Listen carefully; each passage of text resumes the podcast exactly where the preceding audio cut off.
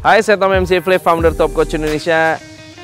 Hari ini saya sedang berada di pabriknya Tom Burger.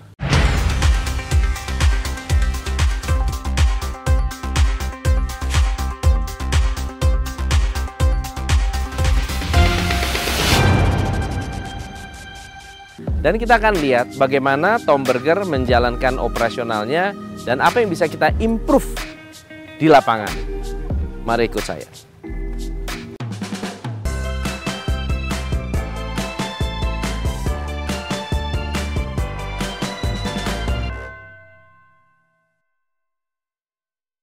Mana? Silakan jelasin ke saya. Mulai dari mana? Ini ruangan display, coach. Ya. Ini ruangan display. Eh, di sebelah ini kita rencananya mau perbesar karena ini Iya. udah kelihatan sempit. Eh, jadi nanti kita ini eh, jadi ruang display cuma dalam proses pengerjaan. Oke. Heeh. So ini eh, roti apa aja? Ini kita ada burger bun. Ini Mm-mm. untuk bahan baku. Basically-nya adalah bahan baku burger. Jadi Rotinya bikin sendiri rotinya atau- bikin sendiri? Roti bikin sendiri. Dagingnya bikin sendiri. Roti bikin eh, sendiri, daging bikin sendiri. juga kita modifikasi. Saus modifikasi. Iya. Oke. Ini apa? Ini eh, pizza beku. Pizza beku. Iya. Nah, ini pizza beku. Hmm. Ini yang paling best seller sebenarnya di produk kita. Ini pizza instan, bisa dikatakan pizza instan, tinggal dioles pakai mentega, Mm-mm. dipanaskan di teflon jadi. Oke. Uh-uh. Ini dijualnya di mana? Ini dijual bisa langsung ke outlet-outlet kita, jadi Langsung ke outlet. ke outlet. Bisa juga eh, penjualan langsung eh, untuk ke reseller, untuk ibu-ibu masa di rumah. Oke. gitu. Untuk pizza beku yang sudah ada mozzarellanya, jenis daging yang berbeda, ini untuk dijual langsung ini eh, kita jual online, Jual online. dijual ke reseller juga. Dijual ke reseller. Iya. betul. Jadi ini harganya berapa? Kalau yang Harga ini jualnya? harganya 25 Harganya 25. 25 ribu, Ribu. tinggal dipanaskan di microwave atau Uh-uh. oven, nanti bisa eh, lumer, Meleleh, meleleh. Oke. 25.000 ya. 25 ribu. Udah termasuk keju. Udah termasuk keju Itu ada pizza hitam atau apa itu? Pizza hitam itu ada pakai charcoal aktif. Charcoal. Ah, charcoal. Ini pizza hitam. Black pizza. Yang suka makan pizza black, begitu makan giginya langsung hitam. Tapi ini pakai aktif uh, Arang charcoal, arang Ah, ya, ya, arang. arang Jepang. Jadi bisa buat sakit perut juga ya. Eh, menyembuhkan sakit Buat menyembuhkan sakit perut, kalau keracunan makan itu Iya. sembuh total. Oke, let's go. Jadi ini hanya display atau akan dipakai? Ini eh, display sementara sebelum kita dropping. Oh, ini display sementara sebelum di dropping. iya, Oke. jadi- Milik siapa tahu nggak? Milik milik milik outlet mana aja? Tahu? Eh, ini besok sudah ada ketahuan. Kalau ini sudah ada pemiliknya. Heeh, ini udah ada pemiliknya. Udah. Jadi kita repeat by order, repeat order dulu. Mm-mm. Eh, mereka order, kemudian hamin dua, Mm-mm. kemudian diproduksi, Iya. kemudian baru dikirim.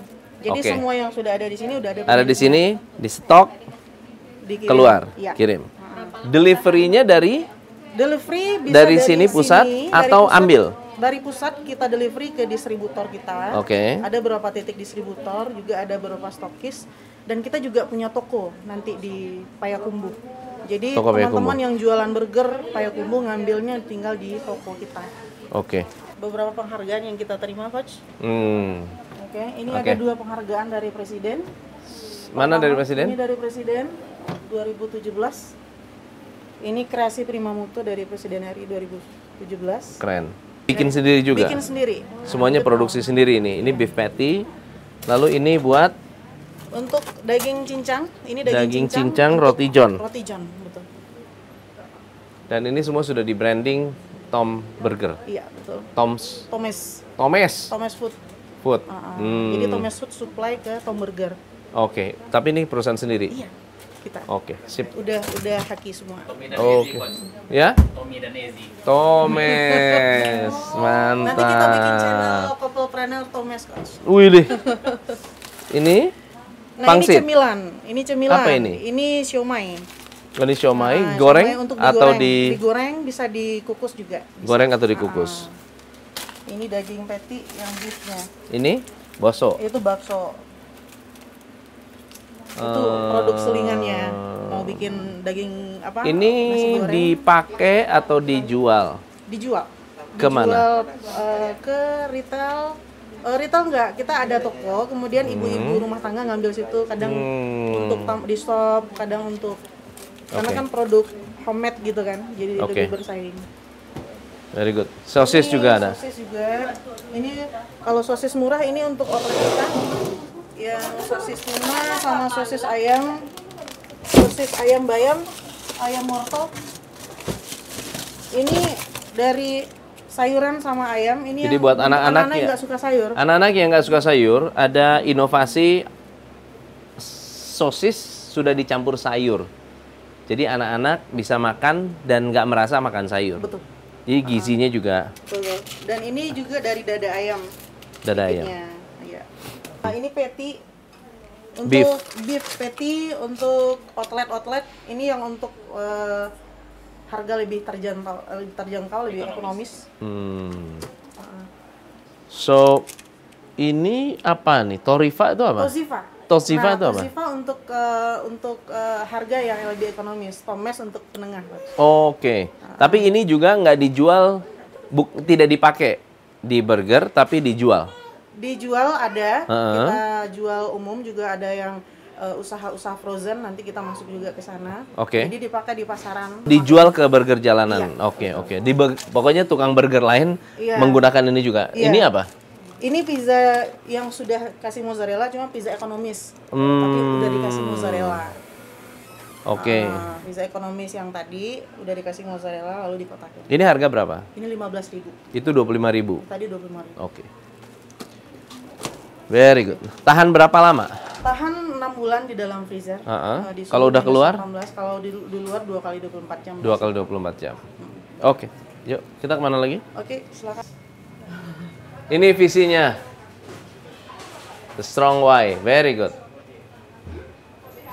Dan ini kita lafalkan setiap pagi. Eh, Dibaca setiap hari ya? eh, ini yang sudah hafal semua karyawan. Sehingga mereka menjadi bagian dari Keren. pencapaian visi itu. Keren. Silakan coach. Ya. Produksi daging kanan roti di kanan roti. Karena roti, daging. Ini Eh, apa? itu Ini tempat apa? Ini silakan sini coach. Ini untuk produksi daging Hmm. pengolahan. Oh, Eh, oke. Bahan baku masuk dari sana, kemudian diproses di sini, dimasak Hmm. di sana, di packing di sini, keluar langsung ke ruang display. Oke. Ah, ah. Good. Ini ruang packing kita. Ini khusus untuk pengolahan daging, ikan, dan ayam. Oke. Terus dia produksi sesuai dengan permintaan itu. Sesuai dengan permintaan. Nah, dari sini outputnya adalah bagaimana kita tahu outputnya sesuai dengan target atau enggak?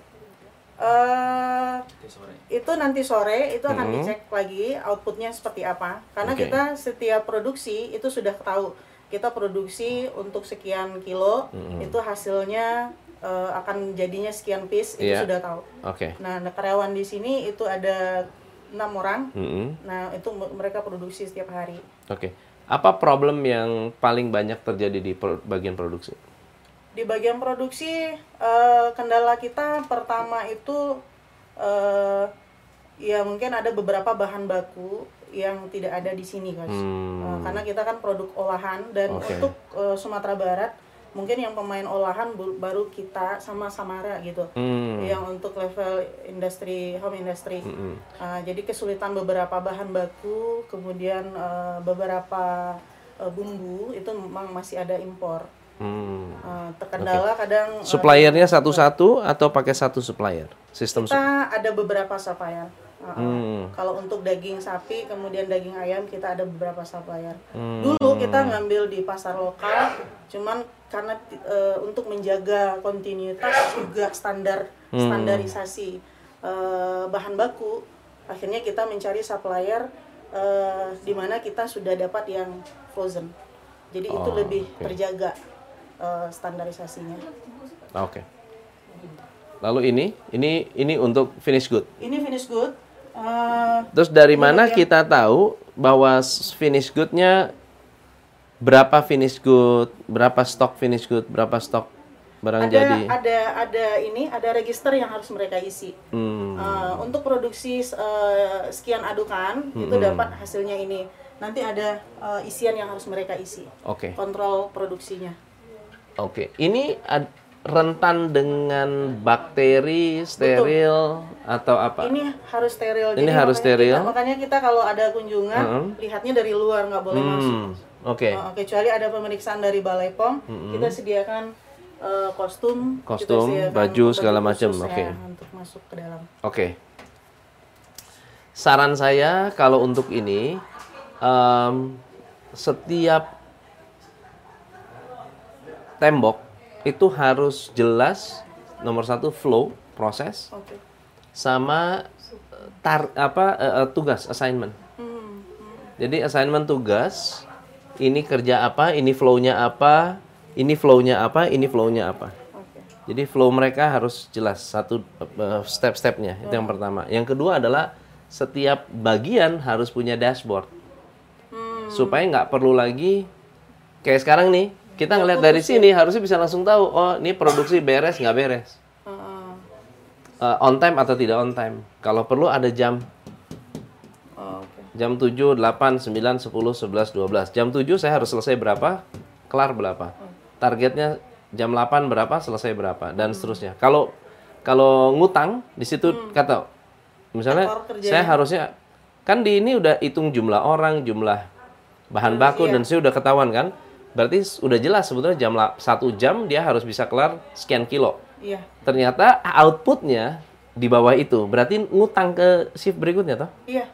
Ke jam berikutnya dan seterusnya dan seterusnya. Nah, ini untuk mengendalikan itu kita punya dashboard. Itu yang pertama. yang di sini juga sama punya punya dashboard apa sih yang ada di sini dan untuk kapan. First in first out-nya tuh bagaimana? Iya. Ya, ada sign apa yang bisa kita gunakan untuk membuat orang tahu oh ini bakal keluar dan akan dipakai kapan. Gitu ya. Barang yang sudah dipro- eh, baru diproduksi dan barang yang sudah dua hari lalu diproduksi atau satu hari lalu diproduksi, gimana vivonya? Oke. Itu nggak boleh tercampur. Iya. Itu ya. Sip. Harus di setup SOP-nya. Oh. SOP cuci tangan. Yang benar kayak gimana? Itu yang pertama. Yang kedua adalah eh sabunnya mana? Wah, sabunnya. Oh, di bawah BMI di keluar. Di isi tadi itu dibawa keluar. Oh iya iya, oke. Yang penting harus ada sabun, ya. Harus sabun, ada SOP. Kemudian kontrolnya apa? Gimana kita kontrol? Orang ini em, menjalankan, eh, Menjalankan SOP. proses atau tidak? At least dia cuci tangan atau enggak? ya, itu dia. Berarti harus didampingin. Harus didampingin, harus ada yang ini. Terus baju, pakai baju apa? Bajunya Pakai tutup, pakai topi. Pakai ini baju ini ya. Oke, very good. Sip, yuk. Hmm, Kemudian karyawan masuk dari sini. Ya. Divisi roti belok kanan, divisi dag- eh, divisi Oh ini daging roti belok ya? kanan. Iya. Ini roti. Ini ini eh, daging. Divisi daging belok kanan. Sini tadi masuknya. Divisi roti ke sini. Ya, oke. Terus?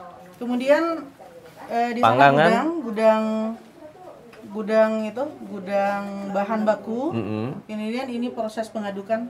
Oke. Heeh.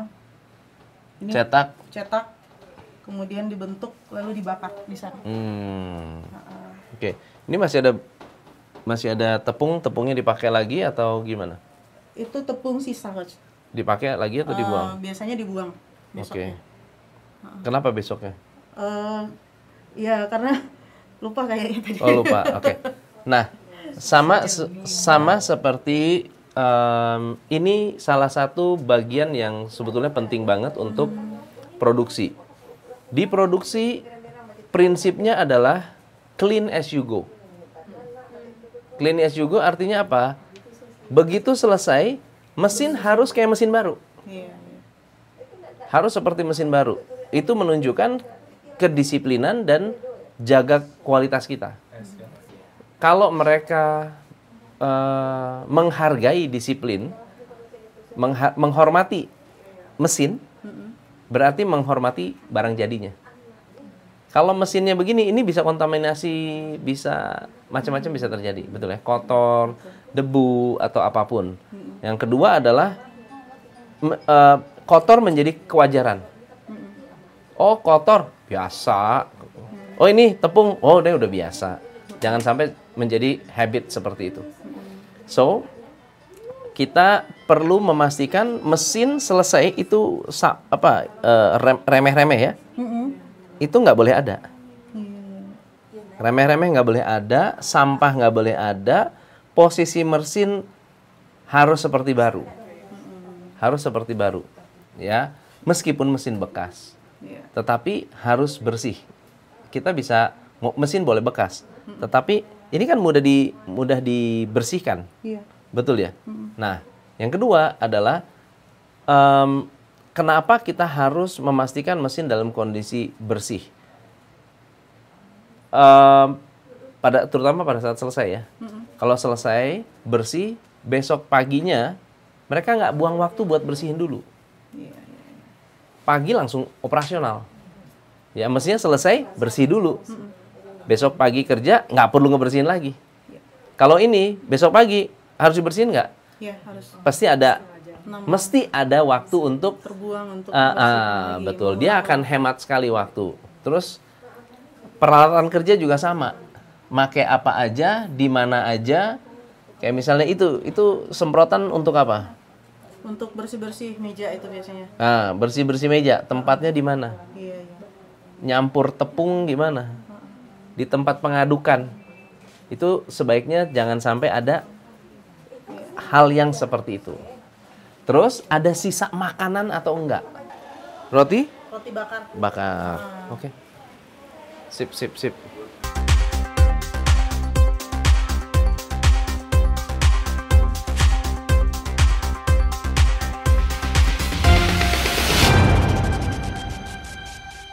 Teman-teman, beberapa waktu lalu saya pernah mengangkat satu ibu-ibu yang mulai bisnis dari nol, bangkrut berkali-kali, tapi akhirnya bisa survive. Ini adalah tempatnya, ini adalah kantornya, ini yang merupakan semi manufaktur di mana produksinya luar biasa. Ada produksi bakso, produksi sosis, produksi patty, produksi pizza. Pizzanya pun ada beberapa macam. Eh, brandnya pun ada beberapa macam dan banyak sekali dari para subscriber yang bertanya, kok karyawannya banyak, income-nya kok sedikit gitu ya. So jadi kita harus uh, sedikit memberikan penjelasan supaya teman-teman mengerti konsep dan bisnis modelnya. Boleh diceritain nggak, Bu Ezi, bisnis modelnya Tom Burger tuh gimana sih? Oke. Jadi bisnis model kita sebenarnya kita lebih ke manufacturing, Coach, ya. Manufacturing, Kemudian outlet-outlet penawaran kemitraan yang kita berikan itu adalah channel distribusinya. Jadi yang eh, penjualan 400 juta per bulan, lebih kurang 400 juta per bulan itu adalah penjualan bahan mentah kita kepada mitra-mitra kita yang sudah banyak di lapangan. hmm, Jadi tempoh hari kita bilang kita karyawannya ada 120-an orang, itu adalah karyawan yang tersebar di semua outlet-outlet yang ada yang kita supply hari ini. oke. Nah, gitu. Jadi ada 120 yang tersuplai di seluruh Eh, seluruh Sumatera outlet Barat, Sumatera Riau, Barat. Jambi dan juga eh, hari ini juga masuk Sumatera Utara. Lalu kemudian mereka uh, meng- menjual produk-produk Iya, Tom Burger, Betul. tetapi income-nya Tom Burger sebetulnya hanya jualan dari bahan, baku. Bahan baku. Jadi 400 juta itu hanya bahan baku. bahan baku yang kita jual. Jadi kalau di total penjualannya 1,6 1,6, 1,5, 1,6 Iya. miliar Miliar per bulan. per bulan. Iya. Dan itu tapi dinikmati oleh mitra. Mitra kita. Oke. Oleh mitra. Dan yang 120 orang dibayar oleh mitra. Oleh mitra. Jadi digaji segala macam tidak digaji oleh Tom Burger sendiri. Tidak, tidak. Nah, kalau pabrik ini punya karyawan berapa? Pabriknya aja. Kalau kita itu ada 36 orang. 36 Iya, orang. 36 orang itu sudah masuk semua mulai dari manajemen sampai ke cleaning service. Oke. Jadi sebetulnya bisnisnya sangat-sangat ramping dengan 36 orang sudah termasuk manajemen, sudah termasuk eh, de- delivery ya, Iya delivery supir segala macam itu 36. sampai ke ICS. Tetapi eh, salesnya atau income yang didapat sekitar 400-an juta. Buat teman-teman yang ingin berbisnis outlet Tom Burger ini, Iya. modalnya berapa sih? Modalnya kita macam-macam. Ada mulai dari 17 juta, 17 juta dapat apa? ya, dapat bootnya, kemudian dapat tenda, Dapat tenda. jualan, kemudian dapat alat-alat masaknya lengkap semua, dapat bahan baku, training, kemudian Training. kita kasih buku panduan keuangan Hmm. dan SOP, juga kostum dan lain sebagainya. Oke. Nah itu sudah lengkap. Karyawan di training juga. Karyawan di training, Dicariin juga? bisa dicariin Bisa juga. dicariin juga, Ah, di training di juga. training juga. Lalu siap pakai lalu langsung buka. Iya. Kontrolnya dari masing-masing. Kontrolnya dari masing-masing, tapi kita punya panduan untuk controlling. Panduan kontrol. Iya, dan, dan- juga kontrol bahan baku karena nggak bisa bahan pakai baku. bahan baku dari Betul, tempat lain. Betul. Oke. Lalu kemudian eh, berapa potensi keuntungan per bulan yang diterima oleh Dari mitra? outlet. Ya. Margin keuntungan per item menu rata-rata kita dari 40 sampai 55 persen. Oke, 40 Ah, sampai 55 persen. 55%. Berarti berapa persen net profit Net profit. yang didapat oleh mitra? Eh, untuk afirmasi satu buah outlet paket 17 Ya. dengan target omset eh, apa namanya eh, angka pesimis gitu kan 750.000 ribu per hari itu cukup satu orang karyawan Mm-mm. Eh, bisa diestimasi sebulannya bisa menghasilkan 6 juta rupiah per bulan itu bersih Bersih. Bersih. Jadi bisa terima 6 juta dari modal 17 juta. Iya. Gitu ya. jadi eh, tiga bulan Berarti dalam ROI tiga bulan jeleknya empat bulan dengan Iya. setting up awal betul sudah balik modal dan kan itu sebabnya kenapa outlet Tom Burger berkembang begitu cepat. Iya. Kemarin banyak banget yang betul yang request ya. betul betul betul sekali. teman-teman, ini adalah satu kesempatan buat sama-sama belajar ya karena Ibu Esi juga belum membuka eh, peluang untuk luar, luar Sumatera, Sumatera, betul ya luar Sumatera. Jadi kalau teman-teman ingin bekerja sama, sebaiknya ketemuan, Betul. lihat makanannya, lihat rasanya, lihat. Kok rasa dilihat ya? Makanan diicip gitu ya, dicoba supaya tahu sebetulnya eh, worth it atau enggak, cocok enggak untuk market Anda. Kalau cocok, Anda belajar full, belajar operasionalnya dan bisa membuat operasionalnya menjadi lebih ramping. Karena dengan satu orang dapat 6 juta itu bersih, menurut saya sangat-sangat worth it. Kalau yang di atas itu, Di atas eh, 17 itu ada paket 27, itu lebih besar. Lebih besar. Eh, Oh, konsepnya kontainer? Kontainer, eh, ukuran dua setengah kali dua. dua setengah kali dua, Iya, jadi tetap simple, bisa dipindah-pindah. Oke. Kalau lokasinya nggak perform, kita pindah kepada lokasi yang lain. Gitu. Oke. Jadi investasinya eh, tergolong aman. So diajarin juga bagaimana cara memilih lokasi. Iya, tentu. Bisa nggak sharing tentang apa yang harusnya dilihat ketika teman-teman di luar sana yang punya lokasi itu tanda-tanda lokasi cocok untuk Tom Burger tuh kayak gimana? Iya. Untuk produk kita sekarang itu ada roti john, pizza dan burger. Ya, Itu lokasinya pertama ya di kota, di perkotaan. Mhm, perkotaan. Kemudian eh, di sekitaran kampus, juga di tempat-tempat wisata.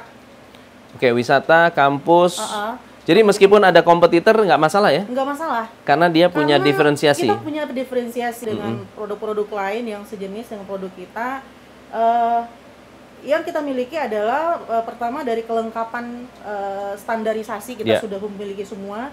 Kita halal dari MUI sudah ada. Hmm. Kemudian diproduksi dengan standar produksi GMP ASCCP. Kemudian juga kita sudah eh, kantongi dari BP POM juga. Ya.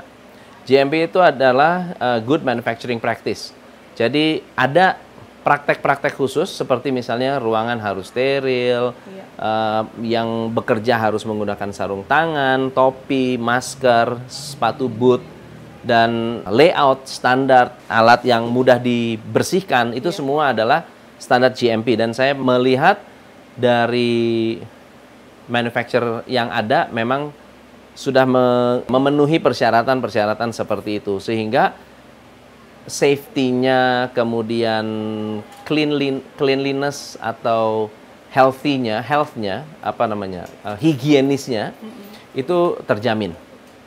Lalu kalau misalnya ada yang berpartner, Iya. uh, lalu kemudian mana yang lebih bagus, ambil satu outlet atau mengambil satu wilayah? Eh, ini peluangnya memang ada dua, coach. Mm-mm. Pertama untuk Sumatera itu masih bisa kita cover dari sini itu Jambi, Riau, kemudian eh, sebahagian Medan, Ya, sehingga mm. kita bisa eh, bikin develop untuk eh, Depo. depo. Depo untuk atau awal, distribusi ya? Distribusi. Kemu- itu untuk tahap awal. Ya. Tahap berikutnya mungkin kita akan produksi di sana. Oke. Karena faktor pengiriman, karena roti memakan volume. Ya. Kalau untuk daging is oke, karena Ya. daging dengan packaging kita bisa tahan dua hari pengiriman. Good. Jadi kalau ada yang pengen bikin langsung 15, itu akan jauh lebih Iya, uh, lebih lebih murah. Jatuhnya lebih murah karena bisa disuplai dengan dengan support yang optimal. So Ibu Esi, apa yang didapat dari kunjungan uh, Top Watch Indonesia hari ini? wah luar biasa. Saya mendapatkan eh, penghormatan dengan dikunjungi oleh eh, Tom McEvil langsung gitu kan, coach idola saya. Eh, saya sangat berterima kasih bisa menjadi eh, pilihan dari Top Coach Indonesia untuk berkunjung ke sini. Saya pikir ini bukan pilihan sembarangan dan saya mendapatkan keberuntungan yang luar biasa bisa langsung eh, didatangi oleh eh, Tom sendiri dan memberikan banyak tips yang luar biasa untuk perbaikan kami ke depan. Dan yang terpenting adalah bagaimana kami bisa tetap bertahan dan lebih maju lagi sehingga perusahaan ini bisa tumbuh, perusahaan ini bisa menjadi perusahaan yang bisa menebar rahmat untuk semesta sebagaimana visi kita. Keren. Coba ceritain dong visinya apa? Visi kita adalah menjadi perusahaan produsen makanan per, apa terbesar, dunia. Terbesar dunia. Tapi- Mengutamakan sumber daya lokal Indonesia. Tapi big why-nya, big why-nya? Eh, big way kita untuk Allah, untuk umat, untuk alam. Jadi Weh. ada keseimbangan antara Jadi, kita dengan Itu pencipta. adalah motivasi terbesar mengapa bisnis ini dijalankan. betul. Dan ini bisnisnya sangat-sangat spiritual, bukan sembarangan bisnis gitu ya. Siap, betul. Supportnya dari yang di atas, ceritanya Betul, gitu. betul. Thank you banget. Bezi. Thank you banget buat eh, apa namanya sudah di share, diceritain semua yang ada di sini dan semoga tips-tips yang saya share hari ini bisa dipraktekin. Siap. Thank you so much. Sampai ketemu. Sampai ketemu. Dan buat teman-teman, thank you so much. Atau MC Ifre, salam pencerahan. Hanya di Top Coach Indonesia